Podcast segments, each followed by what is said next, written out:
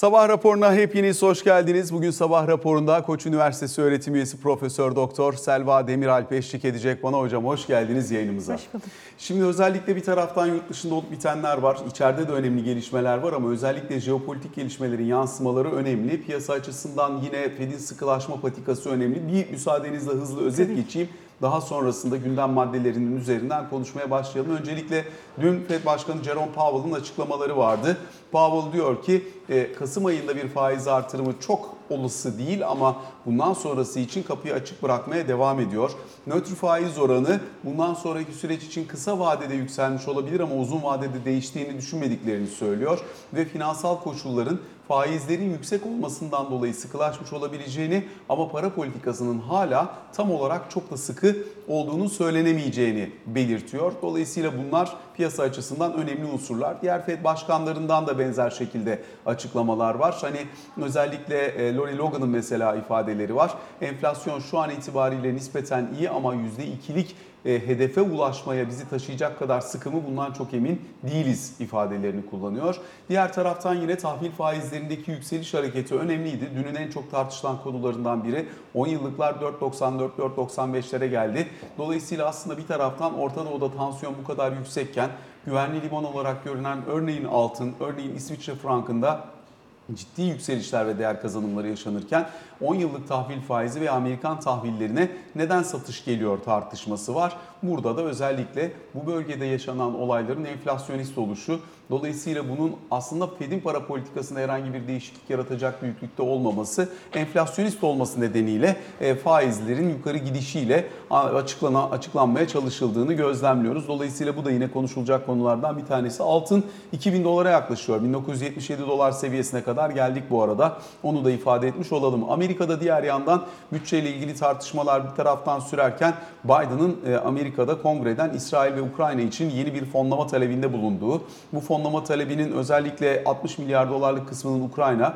14 milyar dolarlık kısmının ise İsrail ile ilgili olabileceği, diğer taraftan yine hem e, Indo-Pasifik bölgesiyle ilgili alınan güvenlik önlemleri çerçevesinde hem de sınır güvenliği çerçevesinde yapılacak harcamalarla 100 milyar doların üzerinde bir ekstra bütçe talebini dile getirdiği ifade ediliyor. Piyasalara bakınca Asya piyasalarında ufak satışlar var bugün itibariyle. Petrol fiyatlarında ise %1'ler civarında yükseliş yaşandığını takip ediyoruz. Özellikle yine Irak ve Suriye'deki Amerikan üslerine roketli, dronlu saldırılar ve aynı zamanda benzer şekilde yine e, Hutuların bulunduğu bölgeden de Amerikan gemilerine açılan, e, Amerika tarafına daha doğrusu İsrail üzerinden açılan e, bir roketli saldırının ki 3 tane roket fırlatılmış İsrail yönüne doğru bir Amerikan uçak gemisi tarafından, destroyeri tarafından diyelim e, yok edildiğine dair haberler. Dolayısıyla bu tansiyonun artıyor olması da piyasa üzerinde bir miktar daha soru işareti yaratıyor. Dün Amerika'dan gelen verilere baktığımızda ise e, yine konut satışlarında %2 civarında bir geri çekilme olduğunu görüyoruz. Amerika'da ortalama sabit getirili mortgage faizlerine baktığımız zaman 7.35-7.36'larla e, son dönemin en yüksek seviyesine kadar yükseldiğini de anlıyoruz. Bunlar da dikkate değer diğer unsurlar. 106.30'larda şu anda dolar endeksine baktığımızda Euro dolar çaprazı 1.0576'larda. Diğer taraftan bunun bizim piyasa üzerinden okumasına baktığımızda ise 28 liranın üzerinde bir dolar TL var. Euro TL tarafında 29.70'lerdeyiz. Orada da kabaca 30 liraya doğru bir ilerleme yaşandığını gözlemliyoruz. Gün itibariyle gelen haftalık menkul kıymet istatistiklerinde yabancı yatırımcıların çok sınırlı bir satış gerçekleştirdiklerini hisse senedinde ve tahvil piyasasında ÖST cephesinde ise sınırlı giriş olduğunu görüyoruz. Dolayısıyla orası net nette çok bir yere gitmiyor. Ancak kur korumalı mevduatta gerilemenin sürdüğünü anlıyoruz. Döviz tevdiat hesaplarında da yükseliş artıyor. Dolayısıyla KKM'den çıkan paranın bir kısmı yine döviz tevdiat hesapları yoluyla e, bankacılık sisteminin içerisinde kalmaya devam ediyor. Öte yandan bankaların e, yabancı para pozisyonuna baktığımızda bilanço dışı varlıklar üzerinden de incelediğimizde özellikle opsiyonlu e, işlemlerin burada bir kez daha gündeme geldiğini de takip etmiş oluyoruz. Son olarak banka kartı ve kredi kartı işlemleriyle ilgili olarak verileri de yakından izliyoruz. Ekonomideki soğumanın gerçek anlamda olup olmadığını talep bacağında bize gösteren en sık frekanslı verilerden bir tanesi olduğu için burada da özellikle e, bir miktar yavaşlamanın söz konusu olduğunu aktarabiliriz. Özellikle 4 haftalık ortalamanın yıllık gelişimine baktığımız zaman burada sınırlı olmakla birlikte ufak ufak yavaşlama emareleri görüyoruz tabloyu hızlıca böyle bir özetlemeye çalıştım. Bütün dünyayı da anlattım bu arada ama Fed'le başlayayım hocam. Başlayalım. Ee, Jerome Powell'ın açıklamalarını dinlediniz.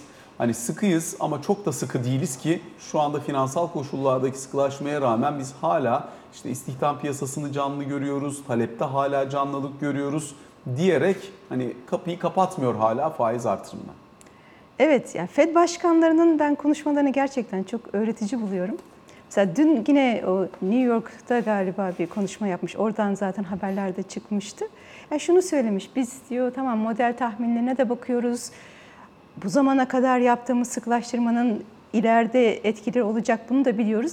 Ama günün sonunda diyor hani pratik olarak ekonomiye bakacağız. Hani bu kadar faiz artışı yaptık ama hala çok güçlü istihdam piyasası. E buna bakınca talep güçlü. E, belli ki çok da yetmeyebilir. Dolayısıyla hani o kadar da çok hani modele göre işte 18 ayın sonunda şu kadar talep düşecek. Tamam hepsi bir tarafa günün sonunda ne ekonomiyi nereye getirdiniz ona bakacağız diyor. Bir de yine ben e, Fed'in de bu son Amerika tecrübesinin daha doğrusu öğretici tarafı şu oldu. Her uzun vadeli tahvil e, faizinin artışı aynı anlama gelmiyor. Mesela hani Amerika'da da artıyor 10 yıllıklar, Türkiye'de de artıyor. Ama altta yatan sebebin önemini ve Merkez Bankası açısından bir tarafta hani çok alarma geçmeye gerek kalmayacakken diğer tarafta farklı olabilir e, şeklinde görüyoruz. Neyi kastediyorum? Powell'ın da söylediği tamam diyor tahvil faizleri yükseliyor. Ama eğer bunun altında yatan sebep enflasyon beklentilerinin artışı bir bozulma olsaydı o zaman biz devreye girip daha da sıkılaştırırdık. Ama şimdi diyor bakıyoruz tamam tahvil faizleri yükseliyor ama bu enflasyon beklentisindeki artıştan değil daha çok işte e, bir önceki toplantıda bizim söylediğimiz daha uzun bir süre long, e, higher for longer daha uzun süre yukarıda tutacağız faizleri dediğimiz için ya da piyasalar bir arzda artış, tahvil arzında artış bekledikleri, bunun da dolayısıyla faizleri artacağını bekledikleri için e, bir beklenti etkisiyle talep azalıyor diyor. Ya da işte borsaya göre hani borsa daha fazla getiri sağladı, tahvil faizleri çok tatmin edici olmadı. Yani bunların hiçbirisi para politikasını devreye sokup biraz daha sıkıştıralım bu piyasayı diyeceğimiz bir durum değil. Ama ben hep karşılaştırma yapmayı seviyorum. Yani Türkiye'de de mesela yükseliyor ama Türkiye'de tahvil faiziyle enflasyon beklentisini çizince ikisinin paralel hareket ettiğini görüyoruz. Amerika'da enflasyon beklentisi sabit, tahvil faizi yükseliyor. Tamam orada Merkez Bankası bir şey yapmasın ama bizim e, biraz daha tedirgin olmamız için sebepler var. Şimdi Türkiye bacağını ayrıca konuşacağım ama Orta Doğu'daki bu yayılma riskinin dünyadaki genel gidişat üzerindeki potansiyel etkisini de sormak isterim. E, çünkü şu an itibariyle hala yerel kalmaya devam ediyor. Bu bölgedeki ekonomiler nispeten işin içerisinde olan ekonomiler nispeten küçük ve dünya açısından bakıldığında da hani ekonomik aktiviteyi değiştirecek, geliştirecek başka bir fonksiyon ifa etmiyor. Buradaki tek sorun e, yani mesela Amerika'da neden biraz önce söylediğim gibi altın fiyatları 2000 dolara yaklaşıyor. İşte diğer güvenli limanlara para birimlerine giriş oluyor da Amerikan tahvili yükselmeye devam ediyor. Çünkü Amerikan tahvil piyasasındaki birincil öncelik Amerikan ekonomisini doğrudan etkileyen bir faktör var mı yok mu? E şimdi Amerika petrol piyasasında dünyadaki açık ara en büyük üretici. Diğer taraftan dönüp baktığınızda sıkılaşma politikası üzerine Fed'in ciddi anlamda bir hamlesi var. Kendi iç ekonomik dengesi dışarıdan gelebilecek arızi şokları absorbe etme yetkinliğine de sahip. O nedenle para politikasına duyarlılığıyla olay ve vakalara duyarlılığı arasında fark var. Bu da herhalde güvenli liman fonksiyonunun nasıl işlediği konusunda piyasa oyuncularına ya da piyasaya yeni girenlere bir miktar daha öğretici olacak. Ne dersiniz? Yok, tam da öyle. Hani çok güzel özetlediniz zaten. Pek ekleyeceğim bir şey yok ama evet bu tür kriz durumlarında hemen biz Amerika'nın güvenli liman rolünü adapte ettiğini görüyoruz. Hani nasıl bir etki olur? Hani Janet Yellen'ın da söylediği gibi daha erken ne kadar yayılacak, nereye gidecek onu bilmiyoruz. Ee, ama eğer petrol fiyatlarına sirayet edecek olursa tabii bütün dünyaya bir anda petrol fiyatları üzerinden temel e, girdi olduğu için etki ediyor. Ya da yine uzun sürmesi durumunda ticari bağlarla hani e, doğrudan o bölgeyle ticaret yapanlar ya da doğru dolaylı olarak e, tedarik zincirleri yoluyla ikinci etkileri de olabilir tabii ki. Hani onları henüz hesaplamadık tabii ki ama e, uzaması durumunda bu tür tatsız, yani zaten dünyada büyümenin yavaşladığı bir döneme giriyoruz. Bir de bunun ticaret üzerinde yavaşlatıcı etkisi olabilir tabii. Peki hocam fon akımları açısından %5'lere gelen Amerikan tahvil faizi ne ifade eder? Çünkü bu bizim için çok belirleyici. Zira biz hikayeyi değiştirdik. Ekonomi yönetimi farklı bir anlayışla, farklı bir e, süreç anlatıyor, farklı bir Türkiye anlatıyor diyelim. Hani bundan önceki iki sene başkaydı, bundan sonrası daha farklı olacak diyen.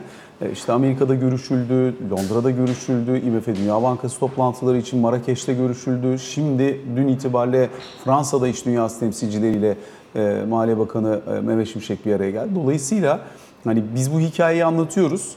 Hikayenin satın alındığını da anlıyoruz. Ama fon akımını sağlayabilecek bir global ortamla da karşı karşıya mıyız onu da sormak lazım. Yani biraz bizim dönüşümümüz talihsiz bir zamanda da denk gelmiş olabilir mi ne dersiniz? Muhtemelen ama ben şöyle düşünüyorum. Yani bizim normalde global pastadan aldığımız bir dilim vardı ve biz onu kaybettik. Dolayısıyla e, her ne kadar global şartlar şu anda sıkılaşmaya başlasa da biz doğru mesajları verdiğimiz sürece o pastadan yine payımızı alabiliriz diye düşünüyorum. Çünkü bir taraftan da çok ciddi bir likidite, global likidite söz konusu dünyada. Yani buradan Türkiye'nin adil payını doğru e, politikalarla, doğru sinyallerle alması çok da mümkün. Bana daha çok hani hala bir soru işaretini tam temizleyemedik gibi geliyor. Yani evet doğru şeyleri adımları atıyoruz. Doğru sinyalleri de veriyoruz. Ama yakın dönemdeki o Naci Ağbal tecrübesini e, olmayacağını garanti etmek mümkün değil ancak zaman gösterecek. E, ve sanıyorum hani daha temkinliler. Somut adımlar görmek istiyorlar. Tekrar hani ağızlarının yanmaması için tedirginliklerinin sebebi o diye düşünüyorum ben. Tabi burada e, yerel seçim ve o sürece dair beklentinin de yabancılar tarafından çok dillendirildiğini anlıyoruz. E, hani eğer o viraj dönülebilir, Türkiye bir şekilde seçimi kim kazanır, kim kaybeder ayrı mesele ama o e, seçim olayını, olay riskini bir şekilde geride bırakır ve mevcut yönetimle devam edilirse burada fon akımlarının bir miktar daha artabileceğine dair bir genel algı var. Bu algı için siz ne dersiniz? Hani bu bir e, ön kabul olarak değil ama sonuçta yabancılarla konuştuğumuzda da benzer bir şey söyleniyor. İçeride de yurt dışıyla temas eden kiminle konuşsak benzer şeyler söyleniyor. O yüzden ne dersiniz? Yani seçim aslında bir yerel seçim olsa da mevcut politikalarda bir durma ya da hani bir gevşeme yaratırmanın yatır, yarattığı belirsizlik diye düşünüyorum ben ki bu da oldukça güçlü bir sebep. Çünkü geçmiş dönemde hep seçimlerden önce biz çok ciddi popülist e, destekler verildiğini görmüştük. Onun için her ne kadar şu anda Merkez Bankamız ben sıkı para politikasına geçtim, işte enflasyon düşene kadar da yoluma devam edeceğim dese de o bir seçim tarihi ister istemez herkesi e, gerçekten mi yani hakikaten yavaşlamayacak mısınız, hakikaten bir geri adım atmayacak mısınız sorularını getirdiği için o belirsizlik var. Onu aştıktan sonra muhtemelen daha uzun bir süre seçimsiz devam edeceğimiz için daha pürüzsüz bir şekilde o para politikasının gidebileceği düşünüyorum. Belirsizlikleri azaltacak, azaltacak önümüzü görebilmek açısından. Ee, yani e, tamam biz doğru sinyali versek de e, tökezleme ihtimalimiz var. O da seçimlerle artıyor o ihtimal. Yani bu da aslında bence tartışılabilir bir konu. Bunu da sorayım. E, Yerel seçimlerden sonra tabii ki çıkacak sonuç burada bence de belirleyici olacaktır ama onun sonrasında Cumhurbaşkanı'nın dile getirdiği bir anayasa referandumu var. E, Yani dolayısıyla hani bunun gündeme geleceğini anlıyoruz. O nedenle acaba piyasada hani bir şekilde her şeyi sadece yerel seçime adapte edip beklentiyi tamamen ona, politikayı tamamen ona çıpalayarak hareket etmek hem ekonomi yönetimi açısından hem buna dair kendi fiyatlamasını yapmaya çalışan piyasa oyuncuları açısından hem iş dünyası açısından çok sağlıklı mıdır? Yani e, onu da belki tartışmak lazım. Aslında bence yani problemin kökünde bizim kurumsallığımızın zayıf olması yatıyor. Yani kurumsal altyapı güçlü olsa, Merkez Bankası'nın bağımsızlığına dair tıpkı 2001 sonrasındaki olduğu gibi bir e, o zamanlar kanunla yapılmıştı bu ama hani biz Merkez Bankamızın arkasındayız ve para politikası seçim takviminden etkilenmez. Çünkü bağımsızlıkla kastedilen bu. Buna ikna edilebilse piyasalar aslında hiç bunları da tartışmayacağız belki. Çünkü dediğiniz gibi bir seçim geliyor, bir seçim gidiyor, başka bir gelişme oluyor ama şöyle kendi ayakları üstünde e, doğrulabilmiş bir merkez bankası olsa zaten tanımı da bu hani literatüre. Merkez Bankası bağımsızlığı nedir? Seçim takviminden etkilenmeyen, optimal koyduğu hedefleri uygulayabilen bir merkez bankası demek. Evet ama bu akademik yani sonuçta hani bunu uygulayan dünyada var mı derseniz E var Fed, ama. ama Fed'de bile mesela bunu gördük yani Trump geldi canını okudu Merkez Bankası'nın ve politikasını da değiştirtti. Yani öyle Ben- ya da böyle Ben hamle yaptırttı mesela. Yani şöyle biz Fed'in tepki fonksiyonunu hesapladık mesela ve Trump'ın demeçlerini de koyduk. E, İstatistiksel olarak anlamlı çıkmıyor. Yani Fed gerçekten enflasyon beklentisinin düşeceğine inanıyorsa faizi düşürüyor ama yani Fed'in de faizi düşüreceği ya da beklentinin düştüğü bir sırada Trump'ın çıkıp indir o faizleri dediği zaman Fed de düşürdü. Nasıl bunu e, altında yatan sebebi bileceksiniz ancak hesaplama yapıyorsunuz. Dolayısıyla ben Yok, ben kredibilite ve e, aslında Merkez Bankası'nın inandırıcılığı e, dolayısıyla o tepki fonksiyonu elbette sonuçta merke, herhangi bir Merkez Bankası hele de Fed'den bahsediyorsanız bilimsellikten uzak hareket etmenin çok mümkün olmadığını biliyoruz. Ama hareket alanını ve manevra alanını biraz da siyasetçilerin baskısı belirleyebiliyor. Yani bu biraz da nasıl uyguladığınızla alakalı.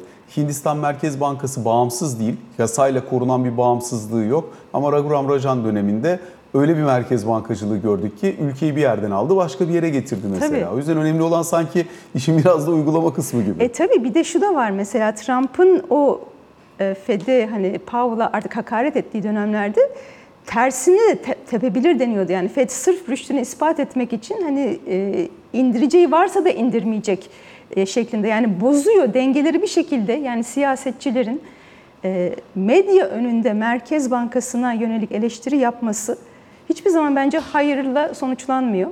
Ya optimal para politikasından uzaklaşacak, Merkez Bankası boyun eğecek şeklinde mesela bizim yeni yayınlandı, dün kabul geldi mesela makalemize. Türkiye'de var, başka dünya ülkeleri de var ama mesela bizim siyasetçilerimiz de malum çok faizler insin şeklinde e, demeç veriyorlar ama biz şunu gösteriyoruz, o demeçlerin arkasından piyasa faizleri yükseliyor. Yani arzu ettiğiniz yola değil tam tersi yöne piyasaları savurmuş oluyorsunuz. Tabii ki kapalı kapılar ardında konuşulur, istişare edilir. Yani Merkez Bankası da e, hükümet de aynı enflasyon hedefine ulaşmaya çalışacak. Ama bu medya önünde eleştiriye dönünce o faydadan çok zarar getiriyor. Brezilya'da da benzerini gördük mesela. Daha öncesinde Rusya'da da benzerlerini gördük. Evet. Yani gelişen ülkelerde bu etki tepki fonksiyonu biraz daha fazla. Gelişen gelişmiş ülkelerde biraz daha az işliyor olabilir ama hani siyasetçi her zaman faiz düşük olsun. İster. Refah her zaman artsın.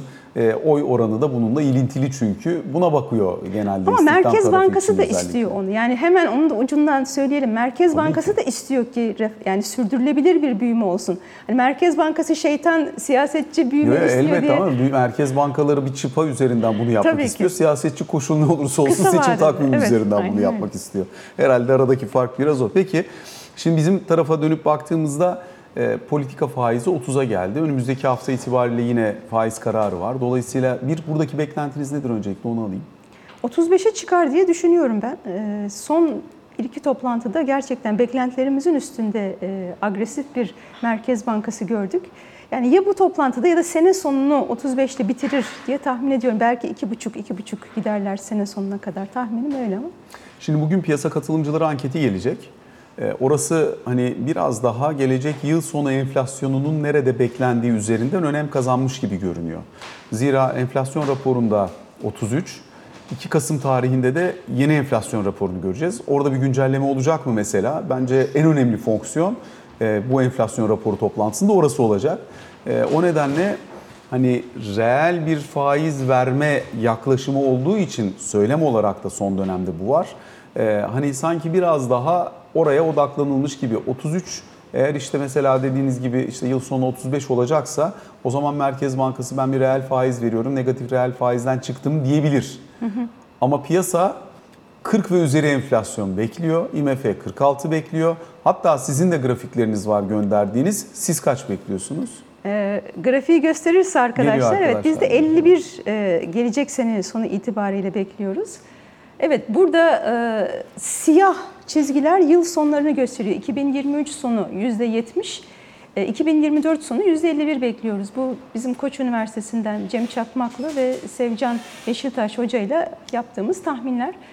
Ee, mesela 72 idi biz sizle daha önceden konuştuğumuz zaman bizim tahminimiz. Onu bir parça aşağıya çektik. Neden? Çünkü biz e, Merkez Bankası'nın e, Mayıs e, sonu itibariyle yani yeni kadrolar e, görev aldıkları zaman bu kadar şahin gideceğini tahmin etmiyorduk. Tahminlerimizin ötesinde e, bir e, şahinleşme gördüğümüz için orada e, 70'e düşürdük.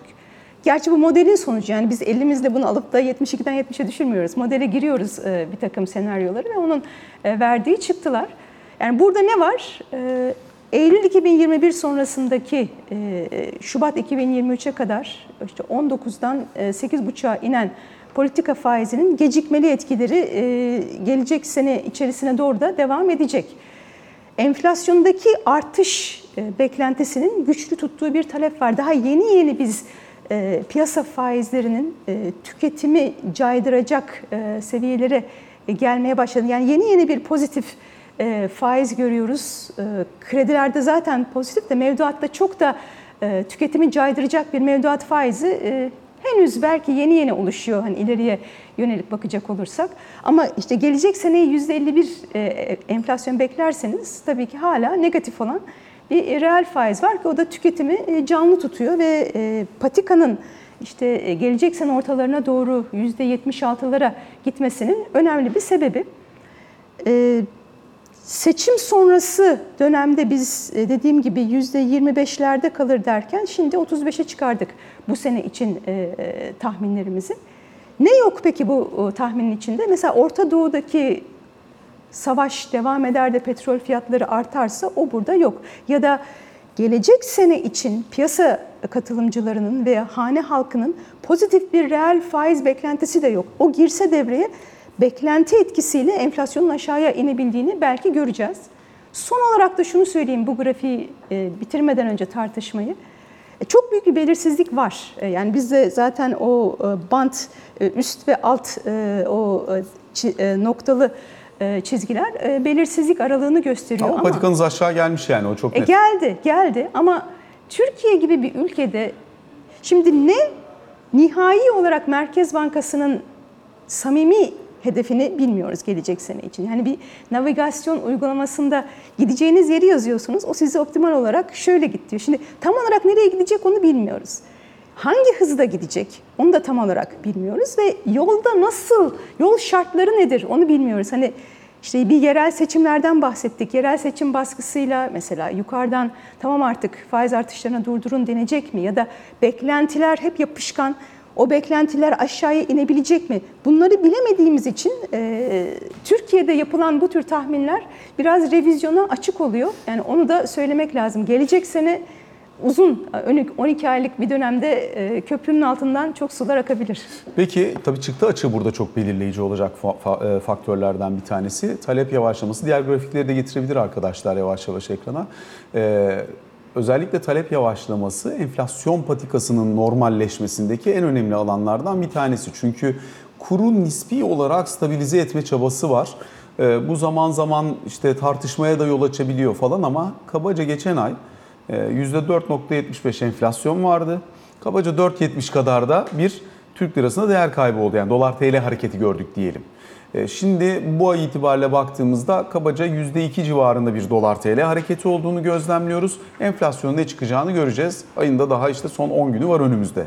O nedenle hani hemen hemen kuru enflasyon kadar zayıflatan bir yaklaşımla burada bir kur politikası izleniyor. Eğer kur üzerinde çok ekstra bir baskı birikmiyorsa çünkü TL'nin faizinin olması gereken yere yaklaşması oradaki baskıyı hafifleten bir faktör ya.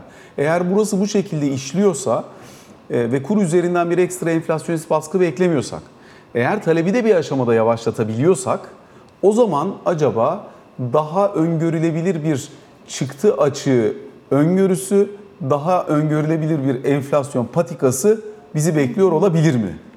Olabilir tabii. Ee, hazır grafik üstünden onu da yine anlatmaya çalışalım. Bu da bizim e, yine en son yaptığımız çeyreklik e, bazda e, büyüme tahminleri. E, üçüncü çeyrekte e, biz 3,5'tan e, 0.75'e doğru inen, e, 0.8 mi şu anda tam göremiyorum ama e, bir e, büyüme e, patikası bekliyoruz.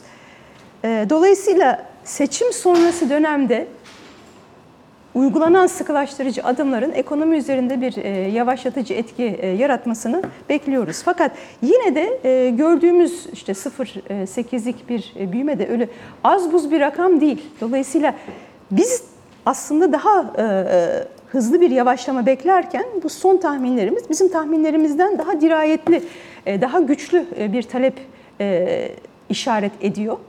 E, ve bu noktada yani bir de belki e, üçüncü şekli gösterirlerse orada da senelik yani bu çeyrekliği seneliğe vurduğumuz zaman e, büyüme ne oluyor? 4.8 gibi yıl sonu e, büyüme beklentimiz var. O zaman Merkez Bankamızın yapması gereken şu. Enflasyonun ne kadarı talepten geliyor, ne kadarı beklentilerden geliyor ona bakması lazım. Çünkü eğer altta yatan sebep talepse şu anda Merkez Bankamızın yaptığı gibi politika faizinin de ötesinde e, kredi sıkılaştırmasıyla biz daha da bir daraltma yaratıyoruz. O talebi aşağıya çeker tamam ama eğer beklenti enflasyonu varsa beklenti enflasyonunu aşağıya çekmek için e, mümkün olduğu kadar net olmanız lazım faizlerin gideceği yer konusunda. Çünkü esas yol gösterici olan, esas deniz feneri olan Merkez Bankası'nın politika faizi. Orada o sırf sıkılaştırıcı etki yapmıyor. Bir sinyal veriyor ve ben korkmadan yoluma devam edeceğim diyor. Şimdi siz bunu değil de ben e, ilave taraflardan kredileri sıkılaştırarak bu işi götüreceğim dediğiniz zaman tamam talebi kısarsınız da beklentiyi düşürme konusunda işte hep konuşuyoruz yabancı yatırımcı ikna olacak mı? E, istiyorlar ki Merkez Bankası çıkıp gümbür gümbür faizi de nereye çıkarmam gerekiyorsa çıkarırım desin. Oradaki ürkekliği onlar bizden bence çok daha önce e, görebiliyorlar, hissedebiliyorlar. Şimdi bir yandan Merkez Bankası da diyor ki, e, ekonomi yönetimi daha doğrusu şöyle dile getiriyor. Politika faizi 30, burada zaten olması gerektiği yere yaklaştırmayı düşünüyoruz. Fakat bir yandan da politikanın regülasyonlar yoluyla ima ettiği sıkılaşma, politika faizinin durduğu ve gösterdiği açıdan daha yüksek. Özellikle biraz önce siz de bahsettiniz mevduat faizleri şu anda 40'ların üzerine gelmiş durumda. Dolayısıyla siz gelecek yıl sonu itibariyle eğer buralarda bir enflasyon bekliyorsanız belki başa baş noktasına yakın yerlerde olabilirsiniz. Eğer daha iyimser bir beklentiniz varsa reel faiz görüyor da olabilirsiniz. Ama sonuçta orta uzun vade için bakıldığında biz e, bankaların mevduat maliyetini yukarıya çektik. Açık piyasa işlemleri yoluyla fonlamada miktar bir miktar daha aşağıya geldi. Dolayısıyla swap kanalıyla yaptığımız fonlama burada daha belirleyici ve belirgin. Orası da bizim ima ettiğimiz politika düzlemiyle uyumlu gidiyor. Paçal maliyeti bankaların yükseldi. Dolayısıyla onların kredi faizleri de yükseldi. Özellikle talep tarafını dizginleyebilecek bacak için bunu daha belirgin söyleyebiliyoruz. O yüzden bu politikanın ima ettiği sıkılık aslında politika faizinin durduğu yerden daha farklı derler. Hem tasarruf bacağı için hem kredi ve harcama bacağı için. Ne dersiniz? Ee, tasarruf konusunda ben o kadar e, caydırıcı bir faiz olduğunu düşünmüyorum. Yani ben kendi açımdan düşünecek olursam, e, eğer %50 enflasyon bekliyorsam, bankada bana %40 faiz veriyorsa, e, reel olarak tasarrufumun değer kaybettiğini düşünüyorum. E, O zaman da harcama yapmayı tercih ediyorum. Dolayısıyla ben henüz caymadım tüketimden ama e, talepe baktığımız zaman da zaten hani talep de çok fena değil. Yani ne alıyorsunuz hocam peki? da- Yani caymadım derken ne alıyorsunuz? Yani daha hızlı tüketim mi yoksa dayanıklı tüketim tarafında bir e, mesela iştah azalışı görüyor musunuz? E, oralar çünkü hakikaten daha uzun vadeli ve yekünlü alışverişlerde bir miktar azalma gösteriyor gibi duruyor. Yani en azından kredi kartı harcamaları falan onu söylüyor. Evet, e, yani büyüme tahminlerimizde de zaten aslında bir yavaşlama görüyoruz ama e, sadece hızda bir azalma görüyoruz. Yoksa ekonomide bir Tabii durgunluk gibi durum söz konusu değil. Zaten o da bu kadar enflasyon varken onu beklememek mümkün lazım. değil zaten. Bir de şu var yani talep, evet kredi talebine baktığımız zaman mesela e, artan faizler kredi talebini azaltıyor. Ama arz tarafından baktığımız zaman aslında uzun süre baskılanmış olan e, kredi faizlerinde bankaların rahatlamasıyla birlikte arzın arttığını görüyoruz. Hani bu Ticari taraftan mı? Ticari tarafta evet. Ee, Hani ben bir süredir hep genişleyici sıkılaşma diyorum. Bunun iki bacağı var. Bir arz tarafından olur. Şu anda Türkiye'de gördüğümüz e, yani faizler arttığı halde arzın arttığını ve kredilerin aslında güçlü kaldığını görüyoruz. Bir de talep tarafından olabilir. Aslında en güzeli o. Orada da Merkez Bankası faizi arttırıyor ama enflasyon beklentisi düşünce piyasa faizi düşüyor. Onu da gördük Naci Abal döneminde. Yine görebiliriz. Şu anda o kadar rayından çıktı ki enflasyon e, ve o kadar gecikmeli etkiler de geliyor ki henüz beklentiler inmeye başlamadı. Bayağı ciddi sıkılaşma olmasına rağmen. Ama biraz sabredebilirsek bence oradan da bir e, genişleyici sıkılaştırma yani talep bacağından da e, görmememiz için hiçbir sebep yok. Bir dakikalık bir aramız var hocam. Onu verelim sonrasında sohbetimize kaldığımız yerden devam edelim.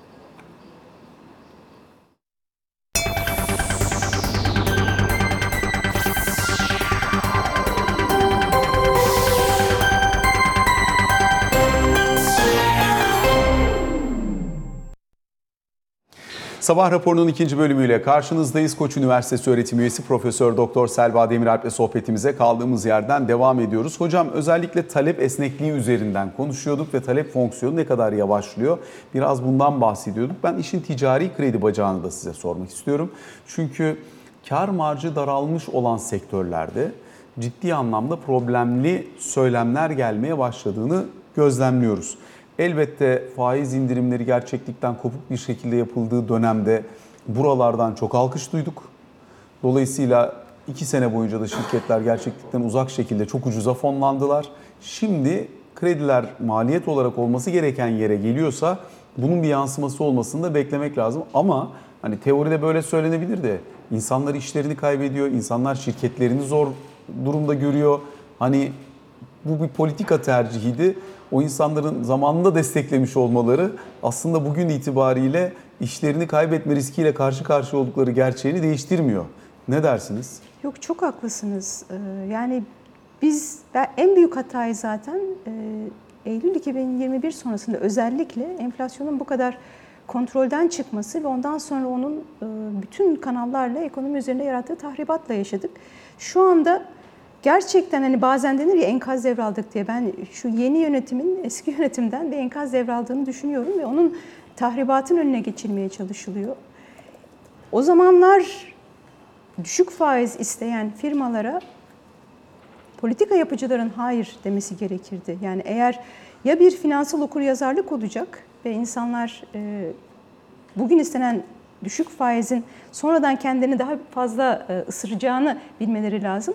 Bu olmuyorsa da belki politika yapıcıların, belki medyanın enflasyon konusunda bir bilgilendirme yapması lazım. Mesela ben e, bu global sıkılaşma döneminde özellikle batılı basının çok aktif bir şekilde enflasyon canavarı konusunda e, yayınlar yaptığını ve insanları hani bir savaşa giriyoruz biz enflasyonla savaşacağız.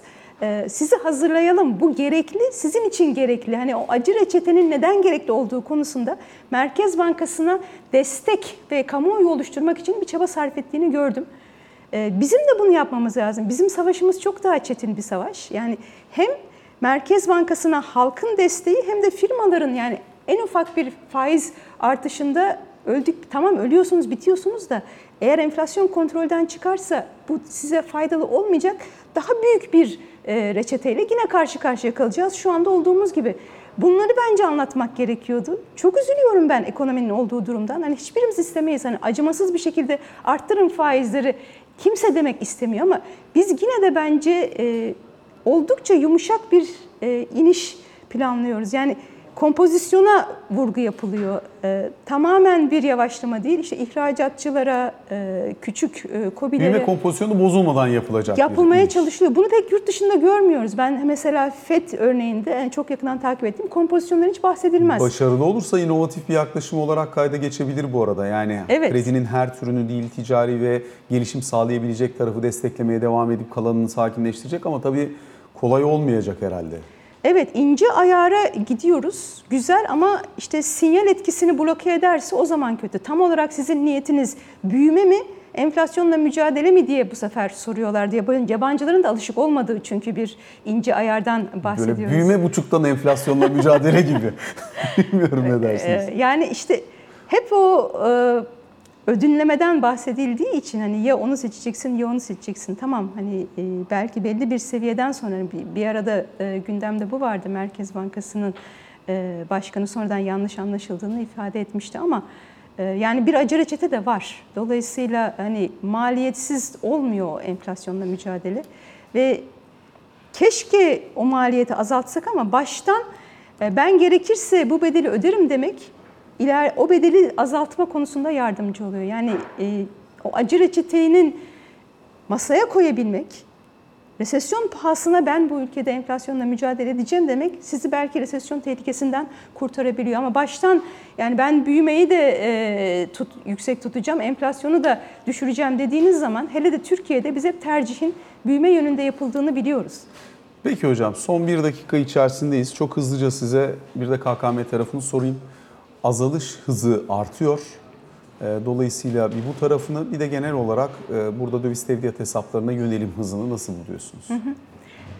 Doğru politikaları uyguluyoruz. Dolayısıyla belli ki insanlarda e, KKM'nin cazibesine yönelik artık e, cazibesinin düşeceğine dair bir inanç oluşmaya başlamış ki KKM azalıyor. Yani bu işin sopayla olmadığını tamamen matematiksel olarak hani doğru faizi verirseniz enflasyon beklentisini düşürüp kuru sakin olacağına dair insanlarda güven oluşturursanız işlerin e, rayına girdiğini görüyoruz.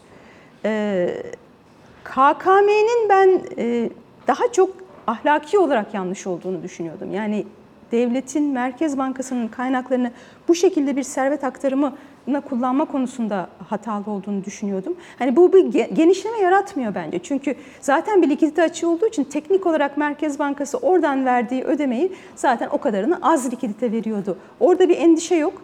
Ama ahlaki olarak sorunlu olduğu için ne kadar hani bu politikalarla da e, umarım e, doğru zamanda doğru vakitte kurtulmuş olacağız. Selva Hocam çok teşekkür ediyoruz. Bugün bizlerle birlikte olduğunuz sorularımızı yanıtladığınız için sabah raporundan bugünlük bu kadar. Hoşçakalın.